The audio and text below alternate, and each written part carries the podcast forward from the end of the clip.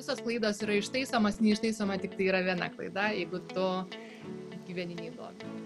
E, baisiausias dalykas, kas nutinka gyvenime, kai mes pradedam bijoti gyventi, kai mes gyvenam tai pusę kojos, nes o ką aplinkiniai pasakys. Tai yra ta veikla, kuri mane uždega ir aš galiu va iki antros valandos nakties sėdėti, ruošti mokymus žmonėm, aš galiu ir man tai patinka ir aš jaučiu didelį džiaugsmą. Ir iš vis čia viskas yra, nu, bet visi ten kažkur tai Meksikoje, aš čia turiu mokytis ir ten kiek man daug mokslų, kodėl čia aš tokia vargšė ir ten, nu, bilė kokie, kokie tik tai apninka jūs blogi jausmai. Visi, kurie mūsų šiandien klausosi. Sveiki, Inga. Noriu pristatyti mūsų šiandienos viešinę, tai šiandien kalbame su, su aš sakyčiau, moteriškumo įsikūnymu e, fotografė Inga Sinkevičiane. Ir šiandien kalbėsime tokiomis, manau, švelniomis, bet labai šiandien aktualiomis temomis - tai meilė savo, savivertė ir savęs prieimimu. Tai pradėsiu nuo tokio klausimo, tuomet ką jums, Inga, reiškia meilė savo ir kaip pati jūs ją išreiškėte? Sveiki visi, Pirmiausiai, tai noriu padėkoti, kad pasikvietėte mane čia ir ačiū kiekvienam, kuris mūsų klausosi. Ką reiškia meilė savo? Kaip tik šiandien, tiesą pasakius, baigiau skaityti Juratės Bitinaitės knygą apie platesnę, sakykime, nagrinėjimus klausimus, ne tik meilę savo, bet vienas iš jų buvo būtent, kas tai yra meilė savo. Ar meilė savo yra tik tai tai, kad mes, na, pasidovanojam savo masažą ir nueiname į gražų koncertą ir nusiperkame savo naują rankinę. Tai man atrodo, kad tai nėra nėra meilė savo ir aš visiškai pritariu Juratį galvodama ir gyvendama taip, kad ta meilė savo yra, kai tu tiesiog neturi konflikto su savimi kai žinoma mes visi esam gyvi žmonės mes kad ir kiek besistengtume mes turim visą jausmų plejadą bet iš principo tai man meilė sau yra tada kai aš nepliekiu savęs ir labai retai gal sakykim taip išleidžiu tą savo vidinę pamotę kuri mane plaka ir sako kad čia dar ir to reikia ir ano ir dar vat čia kažkaip tai ne taip pasakei ir po to dar už tai griaužti save ir gailėtis. Tai aš galvoju kad ta meilė sau prasideda nuo tokio taikos su savim turbūt taip kai tu tiesiog myli save ir pasistengi save suprasti, įsiklausyti į save, išgirsti save, o ne aplinkinių kažkokias tai nuostatas. Tai va tada ta meilė savo ir, na, tokia didžiausia, sakykime, tavo saviraiška ir turi. Labai gražiai iš tikrųjų pasakyta, kad ta meilė savo būtent ir yra tas santykis su savimi, o ne aplinkui materija esanti. Ir labai gražiai iš tikrųjų. Ir jūs pati turite dukrą. Kaip jūs mokote mylėti save, būtent ją, kaip jūs formuojate jos tą tokį mąstymą, o gal iš viso to nedarote ir manote, kad tai tiesiog žmogui turėtų ateiti natūraliai supratimas. Jo, mano dukrai Saulė šiuo metu yra devyneri, toj bus dešimt ir su vaikų atsiradimu mano gyvenime aš kažkaip tai, nes mes dar su vyru turim iš, iš vyro pirmos santokos e, sūnų, kuriam šiuo metu 23, tai man teko, sakykime, turėti tokį um, visokiausių tarpsnių jau išgyventi vaikų auginimo. Tai aš visą laiką sakau taip, kad vaikų auginimas arba jų auklėjimas nereikia jų auklėti ir nereikia jiem kažkokių tai daryti didelių įtakų. Būkime patys visų pirma vaikui pavyzdžiai. Ir vaikas mokosi ne iš to, kaip tu jį mokai arba kokias tu jam ten tas vertybės kiepiai, o tokias, kokias tu pats jam rodai savo gyvenimu, tai tokias vertybės jisai ir pasiima ir gauna. Tai mano dukra, na, aš visada visų pirma, ją e, stengiuosi ir dedu visas tavo esybės pastangas į tai, kad jinai tiesiog gyventų ramiai, ramioje aplinkoje, ne ta prasme, kad apkamšyti ten pukiniam pagalbėm, bet ta prasme, kad žmogus kai jisai gyvena ramioje aplinkoje, kuri jį supa meilę ir laimę, kai mama jam šypsosi ir jį drąsina, tai tokiai mergaitai, man atrodo, aukti yra ta terpė, kur tu tada nebijai nei savęs, nei aplinkinio pasaulio. Tai mano pagrindinis tikslas yra užauginti vaiką, kuris nebijo aplinkinio pasaulio, nebijo savęs, nebijo suklysti, nebijo atsiprašyti, nebijo paklausti, nebijo, nebijo gyventi. Nes e, man atrodo, kad e, baisiausias dalykas, kas nutinka gyvenime, kai mes pradedam bijoti gyventi, kai mes gyvenam tai pusę kojos, nes o ką aplinkiniai pasakys, o kaip čia atrodys, o, o dar ir netgi net ne paauglystėje, o sakyčiau, net suaugusių žmonių tarpe yra krūva žmonių, su kuriais aš vis dar susiduriu, kurie bijo ieškoti ir tame tarpe ir savęs. Tai mano pagrindinė misija, man atrodo, nes mes vaikus gaunam tik tai kaip dovana ir kaip misija, man atrodo, čia yra tiesiog jie trumpam padovanoja mums laiką būti su jais ir tą išmintį, kurią mes gaunam. E, iš principo aš galvoju, kad tai yra jų pamokos mums ir mum, mūsų pamokos jiems. Tai, va, tai mano ta pamoka mano dukrai yra galvoti visą laiką šiek tiek kitaip negu kiti. Mes visada mokomės, kad jeigu visi daro, sakykime, na, net ir darželio laikais liepia iškepti blynus, na ir visi kepa ten tos tris spalvius blynus, nes reikėjo irgi kažkaip tai sutapo, tuo metu atsimenu užgavėnę su Lietuvos kažkokio tai gimtadienio, ten kelios dienos tai buvo skirtumas. Ir aš tada Saulė sakau, bet taigi taip yra neįdomu, nes visi taip daro ir reiškia, taip yra neįdomu įdomu ir sugalvokim kaip nors kitaip tos blynus, nu, vat, kad, nu, nes man daryti pačiai a, dalykus, kurie yra tiesiog a, standartiniai, taip kaip gal visiems patiktų ir būtų saugu, taip gyventi man yra neįdomu. Tai aš taip moku ir savo dukrą, kad a, gyvenk įdomiai, nebijo gyventi ir visos klaidos yra ištaisomas, neištaisoma tik tai yra viena klaida, jeigu tu gyveni neįdomiai. Man atrodo, iš tikrųjų tas būtent jūsų auklėjimo būdas pasirinktas, jisai ir suartina tuo pačiu labai tiek tėvus, tiek vaikus, nes jūs išbandot Taip. naujus dalykus, jūs kartu keliaujate į kažkokią naują nuotykį ir tikrai atsiranda tas stipresnis ir jautresnis ryšys tarpusavę. Ir kaip iš tikrųjų jūs manot, reikėtų atrasti tą meilę savo kalbą, nes vienas, tarkim, Aš pasidalinsiu savo patirtimi, kad man, tarkim, meilė savo yra, pavyzdžiui, desertų gaminimas. Tai yra mano kaip hobis. Aš tiesiog atsipalaiduoju tuo metu, tai yra laikas man ir aš galiu pabūti tiesiog su savimi ir tiesiog pajausti gyvenimo malonumą. Um, tai. Kitam tai gali būti sportas, Um, bet aš tikiu, kad gali būti ir tokių žmonių, kurie, na, nežino, kokiagi yra ta mano meilės kalba ir kaip aš galėčiau atsipalaiduoti. Tai kaip Jūs manot, reikėtų ją atrasti? Čia labai gerai pastebėjote apie va, tuos hobius.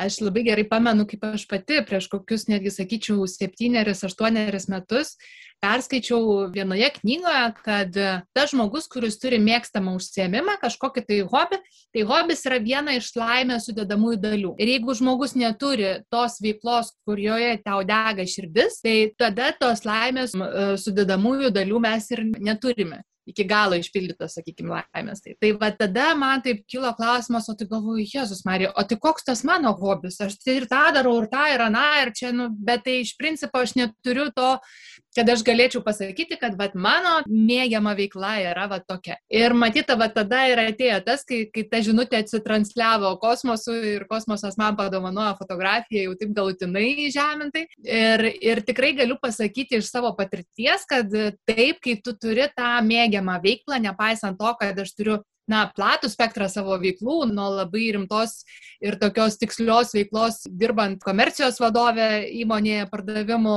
vadovė ir, ir kliento aptarnavimo departamento vadovė ir baigiant fotografiją, būnant fotografė. Platus spektras tos visos veiklos ir yra, sakyčiau, ta laimės formulė. Tai ta meilė savo, kaip atrasti ir kaip pačiam rasti tą savo, va, tai čia ir yra, kaip aš mokau tiek savo mokinius, tiek savo vat, vaikus, kad aš sakau, visų pirma, klausykit savęs.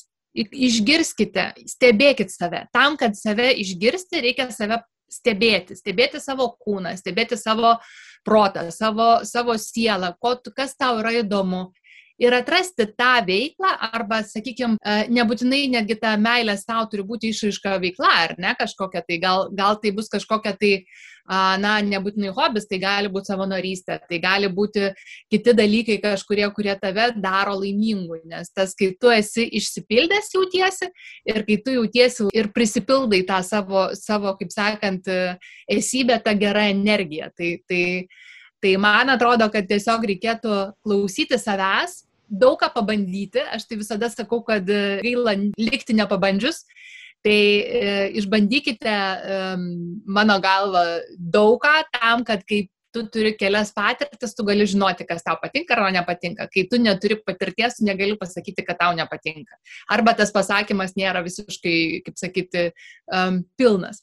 Tai bandykite, ieškokite ir domėkitės, keliaukite, klausykite žmonių. Mes labai dažnai nemokam klausyti žmonių, nes mes patys norim labai daug ką pasakyti, bet aš pati dar vis mokausi klausytis ir tada iš tikrųjų sužinai labai daug dalykų, kurie patys tau gali būti labai naudingi. Tai va taip po mažą žingsnelį link savo laimės ir link to savo meilės ir išsipildymo turbūt mes ir einam kiekvieną savo keliu ir iki pat gyvenimo galo. Tai nėra, man atrodo, amžiaus tarpsnio, kuriame tas kelias turėtų nutrūkti. Nes, na, mano pavyzdys, mano geriausias yra mano tėvai, kurie šiuo metu jau pensijoje ir kurie kiekvienais metais vis atranda kažką naujo, jie keliauja vis naujas šalis, jie dabar iš vis nutarė, kad pasidalinsiu, kaip tėtis sakė, kad sakė, aš, na, išeina šiais metais į pensiją, abu pedagogai, e, gyvena mano e, gimtaja mieste naujojo akmeniai ir sakė, tėtis viskas, kadangi aš išeinu į pensiją, aš turiu dar vieną galimybę pradėti gyventi iš naujo. Ir jie pardavė dabar namą naujoje Akmenėje ir kraustosi į Vilnių. Nes sakė, tai yra dar viena galimybė pradėti gyventi iš naujo. Tai aš linkiu kiekvienam turėti tos vidinės drąsos, pakovoti už tą savo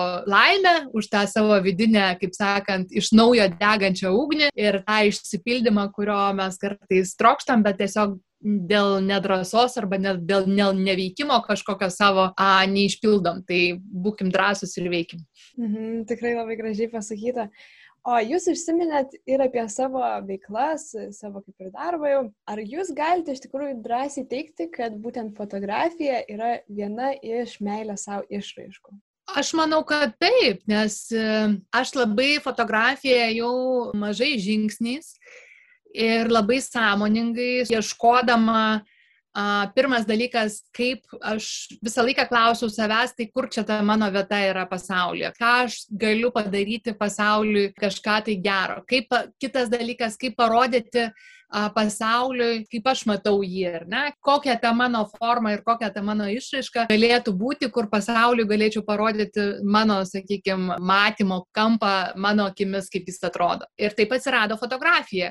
Ir taip tai yra didelis malonumas man ir aš galvoju, kad tai yra, sakykime, gal ne tiek meilė savo, kiek mano saviraiško, sakykime, toksai įrankis, bet tai yra veikla, kuri teikia man didelį malonumą. Ir tai yra ta veikla, kuri mane uždega ir aš galiu va iki antros valandos nakties sėdėti, ruošti mokymus žmonėm, aš galiu ir man tai patinka ir aš jaučiu didelį džiaugsmą galėdama dalintis fotografijos žiniom, gal netgi labiau a, ta mano veikla, kad aš mokau žmonės fotografijos yra man daugiau teikianti netgi, sakyčiau, džiaugsmo ir išsipildymo, o pati fotografija, aišku, tokį užpildanti man, mano kūrybinius, kaip sakant, potencialą mano įgilinant. Tai va, tai bet taip tai yra mano vienas iš džiaugsmo šaltinių. Iš tikrųjų, kai jūs kalbat, labai net matosi, kad uh, jūs iš tikrųjų jaučiat malonumą nuo tos veiklos, jūs pasakojat, jūsų akis tiesiog matosi, kad dega, kalbant apie tai.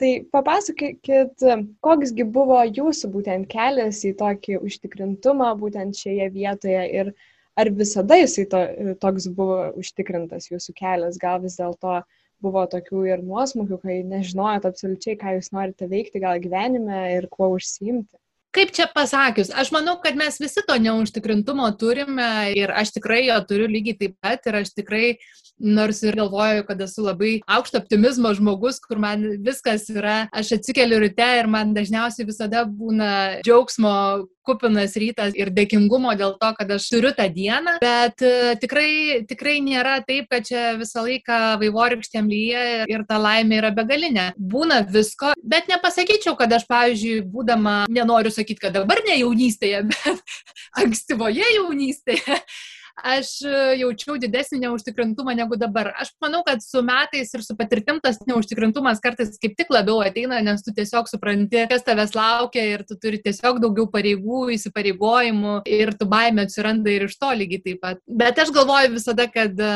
pasaulis mumis pasirūpins. Aš kažkaip, e, nepaisant to, kad aš dedu labai daug pastangų ir pati esu perfekcionistė ir labai reikalauju daug iš savęs ir iš kitų, tokia bjauroka boba esu, bet kažkaip tai pasaulis iš tiesų, manau, kad yra labai e, dėmesingas ir mūsų labai klausosi. Ir jeigu tavo intencijos yra geros, jis tikrai pasirūpina mumis. Tai vad kažkaip aš visą laiką su ta mintim, dėdama daug darbo, labai stengdamasi, kad pavyktų man tai, ką aš noriu gyvendinti ir aš nebijau darbo ir ilgų naktų ir, ir, ir, ir kažkokių tai a, sudėtingų procesų, nes aš žinau, kad aš juos visus galiu padaryti. Aš tikiu savim. Man tai padeda nepalūž turbūt taip netgi tada, kai tu iš tikrųjų esi pavargęs, kai aš turiu, na, kaip čia vat, mes juokiamės su, su draugais, kad sakau, šiuo metu aš turiu vieną oficialų darbą, keturis neoficialius, statau namą su vyru šiuo metu ir dar turiu krūvą visokiausių socialinių veiklų. Kartais tikrai būna visko labai daug ir tai nėra taip, kad tu visą laiką čia, kaip sakant, ant vaivorykštės supiesi elgiesi. Tikrai ne, bet aš visada žinau, dėl ko aš tai darau ir tai mane visą laiką, kaip sakyti, pagodžia ir džiugina ir drąsina. Ir tada, kai aš jau pradedu ten pasiklysti tose savo savivertės ir galvot, nu čia va tikrai yra ir tų geresnių fotografų, ir geresnių mamų, ir ten bilė ko kito, tai tada tiesiog save, kaip aš sakau, reikia paimti už pakarpos ir ištraukti iš to liūno nesamoningo, nes jisai yra į nieką nevedantis ir nieko gero nekuriantis. Reikia reikia tiesiog eiti išsimiegoti, pagulėti, kaip aš sakau, karštoj vonioj, suvalgyti gerą vakarienę su draugais ir kitą rytą viskas atrodo žymiai paprasčiau ir geriau. Ir gyvenimas, jis toks yra, jis, aš savo dukrą taip visada mokau, kad, na, nereikia būti naiviems ir galvoti, kad yra tik tai viskas čia balta, gražu ir labai jau čia kažkaip tai optimistiška. Gyvenimas yra visoks, kaip aš sakau, tas zebras ir juoda ir balta, bet iš kitos pusės kiekvienas jausmas turi teisę būti būti ir tas nuovargis, ir tas e, bijojimas kažko, ir nepasitikėjimas savim. Tik klausimas, kiek tame užsibūsi. Tai aš visą laiką neleidžiu savo tenai užsibūti. Labiausiai, kas mane tokiais atvejais e, ramina ir pastato atgal tas optimizmo vėžės, tai yra tai, kad aš pagalvoju, kad šios dienos gali ir nebūti. Aš gavau ją dovanų ir aš tiesiog jeigu aš ją gavau, reiškia, taip aš ją turiu ir išnaudoti taip maksimaliai laimingai ir dėkingai, kad tas visas mano, kaip sakant, gyvenimas ir būtų toksai. Ir dar, vat, ką tai pasakysiu, dėkingumo jausmas iš tikrųjų yra absoliučiai išgydantis kiekvieną sielą ir kiekvieną kažkokį tai kaip pasidaro baisu, liūdna ar kažkokie kiti ap, apninka tie tamsesni jausmai, tai dėkingumo jausmas, jisai yra išlyginantis visas bangas. Nes jeigu tu jauti dėkingumo jausmą, tu negali jausti liūdėsio ir pasivios kažkokios tai ten tos blogybės. O dabar, bet užsiminėte apie būtent tą dėkingumo jausmą. Gal jūs galite pasidalinti iš savo patirties, kaip jūs gal anksčiau, gal ir dabar praktikuojate būtent tą dėkingumo jausmą, nes kartais iš tikrųjų būna sunku pasakyti ačiū ir reikia perlipti per tą tokį barjerą kažkokį. Tai kaip jūs praktikuojate šį jausmą? Dėkingumo jausmas, kaip aš ir sakau, jisai labai išlaisvina patį žmogų ir jisai labai nukreipia teisingą linkmę. Jaučiant dėkingumo jausmą, tu negali jausti visų kitų prastų jausmų, to juodojo dryžio jausmų. Tai aš turiu dvi praktikas, kurias e, taikom vieną, tai mes vat, ir su mano dukra taikom labai dažnai. Tai yra pasakyti tris dalykus, už ką tu esi dėkingas. Jie iš tikrųjų veikia magiškai, jeigu neveikia taip jau labai magiškai, pradėkite rašyti dėkingumo dienoraštį, rašykite tuos visus dalykus, už ką jūs esate dėkingi ir jūs pamatysite, kaip jūsų pasaulis apsivers. Dėl to, kad pirmas jūs pradėsite jūsų dėkingumo jausmą, antras jūs suprasite, kiek jūs daug turite. Su dėkingumu yra šitaip. O iš kitos operos, iš mano fotografijos mokymo operos, tai galiu pasidalinti, kaip dabar va, besikankinančia visiems tam karantine. Tai turėjau labai daug mokymų. Tai žmonėm pati praktikavau ir po to tą tą patį siūliau, kviečiau daryti savo mokinius, užsimti dėkingumo fotografiją. Tai papasakoti galiu ir jums, kas tai yra.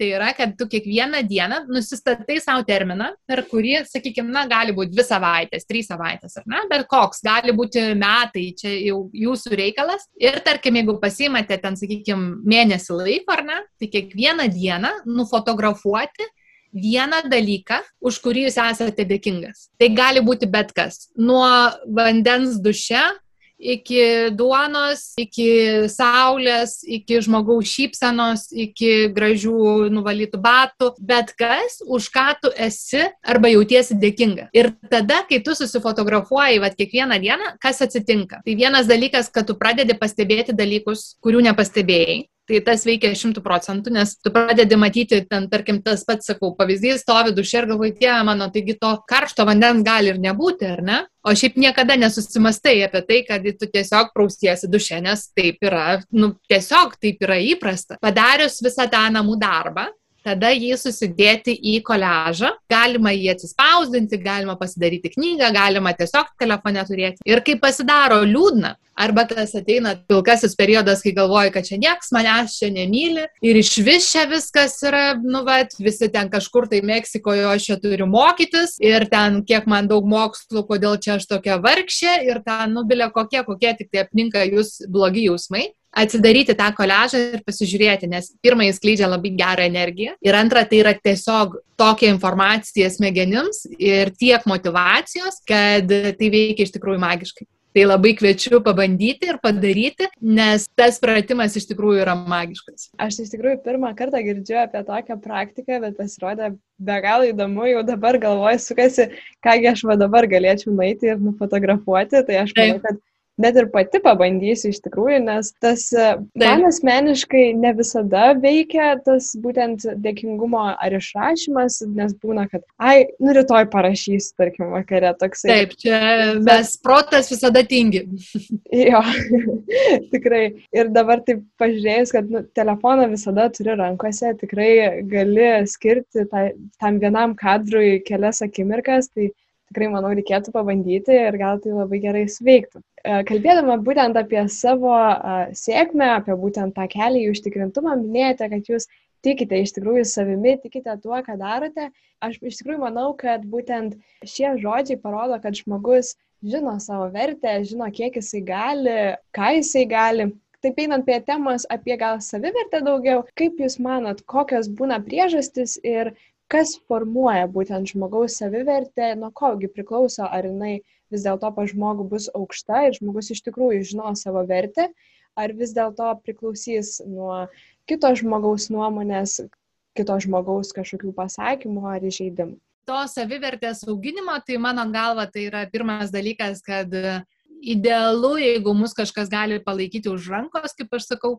kad mes žinotumėme, kad mes esame mylimi ir, ir ta savivertė ir tarpsta tada tokio to aplinkoje, kur iš tikrųjų tu žinai, kad, kad, kad ir koks pasaulis bebūtų, nėra jis pukuotas ir vatam apkamšytas, bet tikrai yra, yra žmonių, kurie kaip sakant, yra tavo ramšiai, ar ne? Ir, ir man atrodo, kad tai yra pagrindinis tas savivertės toksai auginimosi matas, tai tavo saugia aplinka, kurioje tu gali, gal užtenka ir vieno žmogaus, kuris tave tiesiog inspiruotų, palaikytų už rankos ir pasakytų, kad aš tavim tikiu, viskas bus gerai ir tiek mums, tiems žemės padarams ir užtenka. Stebuklų čia turbūt nėra ir būti negali. Ta savivertė, vėlgi, nežinau, net ar jinai auga su metais, manau, kad gal kaip tik jaunam žmogui kartais atrodo viskas žymiai paprasčiau ir lengviau ir, ir greičiau padaroma. Bet iš principo tai aš manau, kad tas e, savęs e, vedimas samoningumo keliu, savęs pažinimas, darbštumas ir tas toksai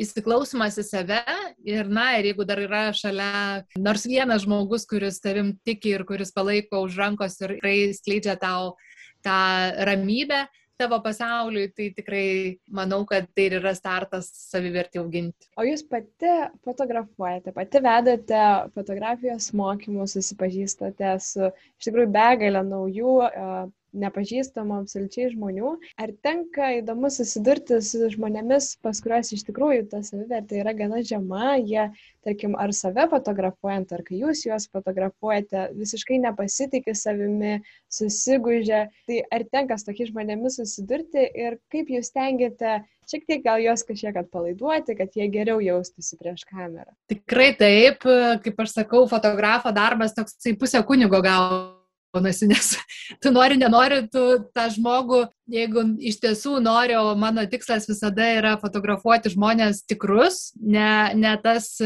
kaip aš sakau, cacas, kur mes tik tai šypsomės, bet mano tikslas yra parodyti žmogaus asmenybę. Bet kokiu atveju mano visą laiką pagrindinis tikslas yra su žmogum suartėti, a, išgirsti jį, prakalbinti jį ir tik tada jį fotografuoti. Tai čia netgi turim tokį projektą, kur ta, ta terapinė fotografija, kur ta fotografija iš, išsitėsia į ne vieną ir ne dvi valandas, o užtrunka ir keturias. A, kai pirmą aš su žmogum kalbuosi, a, mes geriame arbatą, kalbamės, juokiamės, tol, kol jis atsipalaiduoja ir tampa savimi. Ir ta savimi kartais vėl nėra, sakykime, jeigu žmogus žmogus iš tiesų yra pasimetęs, e, nerandantis savęs, ant tą tokią e, šlubuojančią savivertę, pasiekti tą kitokią būseną yra tikrai sudėtingas reikalas.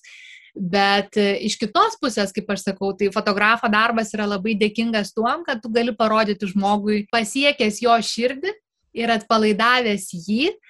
Aš parodau moteriams tarkim, turėjau pavyzdį, kur nuostabau baltą mano reikalinga fotosesija ir aš čia tik tai juodais rūbais ir niekaip kitaip. Tai finale po mūsų trijų po, valandų pokalbio arbatos gerimo ir ten visokių, žodžiu, moteriškų glevysgų, kaip mes juokiamės, jinai išėjo iš fotosesijos su raudonom lūpom, raudona suknelė ir, ir, ir, ir fotosesija, kur aš sakiau, aš tau pažadu, kad tu galėsi tų nuotraukų niekam ir nerodyti, bet taip tu atrodysi po metų arba dviejų. Aš tau pažadu, kad tu tikrai pasikeisi ir tu tapsi ta moteris, kur iš juodo, iš juodo apdaro išlys ir sužydės kaip gražiausia gėlė. Taip, e, tikrai žmonių yra įvairių, bet aš galvoju visada, kad jeigu tu į žmogų eini su meile, ir visišku paprastumu, be išsidirbinėjimo kažkokių tai karūnų ir ten kažkokio tai uh, užsilipinto savo veido, tai tada tas žmogus tave išgirsta ir kažkaip tai tas dialogas įvyksta, kažkaip aš išmokau turbūt būtent būti paprasta ir nebe kažkokiu kaukės ir kažkokie tai ten visi, kaip sakant, dalykai man nebereikalingi.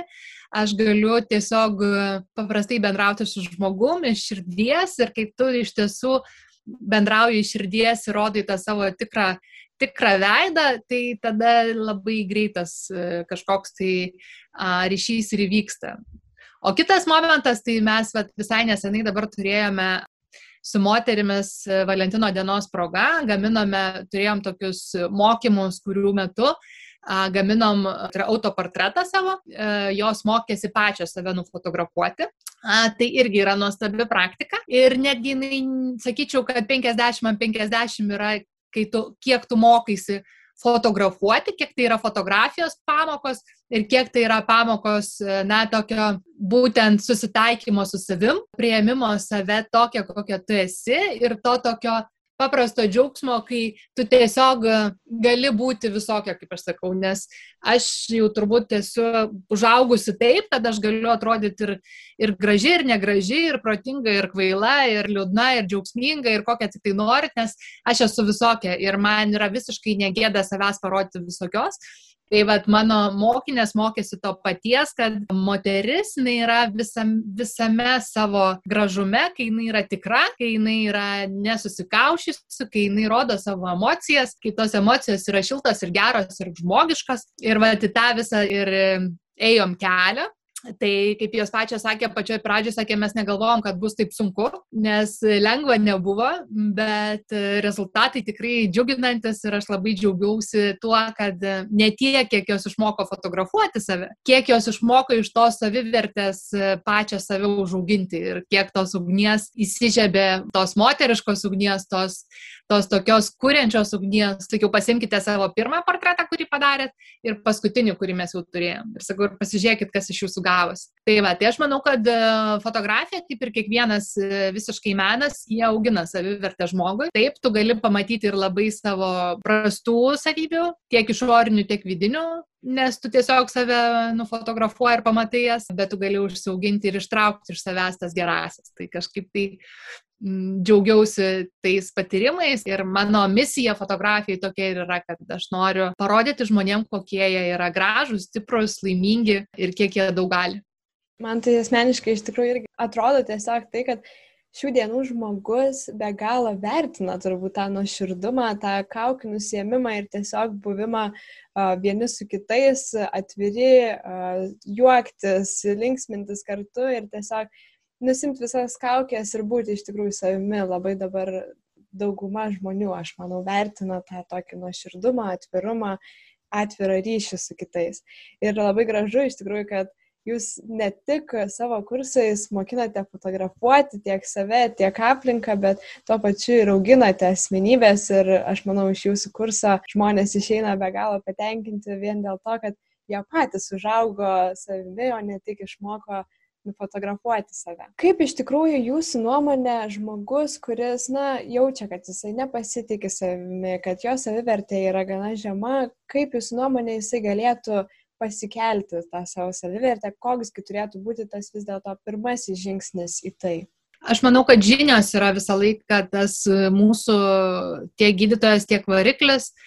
Tai aš visada kviečiu skaityti, skaityti ir gilintis, mokytis apie save, suprasti save, nes tas pasitikėjimas ateina tada, kai tu susipažįsti su savim. Tai geriausias pažinimas ir greičiausias ir lengviausias yra tiesiog skaityti. Šiais laikais tiek prirašyta protingų gerų knygų, kad jos tiesiog gali būti mūsų visų inspiracinis, kaip sakant, stebuklas. Tai mano galva, tai skaitimas ir savęs ėjimas į tą savęs pažinimą jis yra labai svarbus. Kitas dalykas vėlgi aš galvoju, kad tas žmogiškasis ryšys ir yra tas savęs pažinimo stebuklas. Tai ir tokio to atsipalaidavimo, kai tu patiki savim, tai pirmas dalykas turbūt reikėtų būtent išdrysti nusimti tą savo kažkokią tai kaukę ir karūną, susirasti tą vieną, bet galbūt labai gerą draugą, o gal tiesiog paskambinti mamai arba tėčiui nuvažiuoti su jais išgerti arbatos, o jeigu dar gyvenat kartu, tai iš vis stebuklas jūs galite tai padaryti bet kada. Atrasti tą artimą sielą, gal galia gal tai gali būti nebūtinai žmogus, gal tai būtų gali šuo,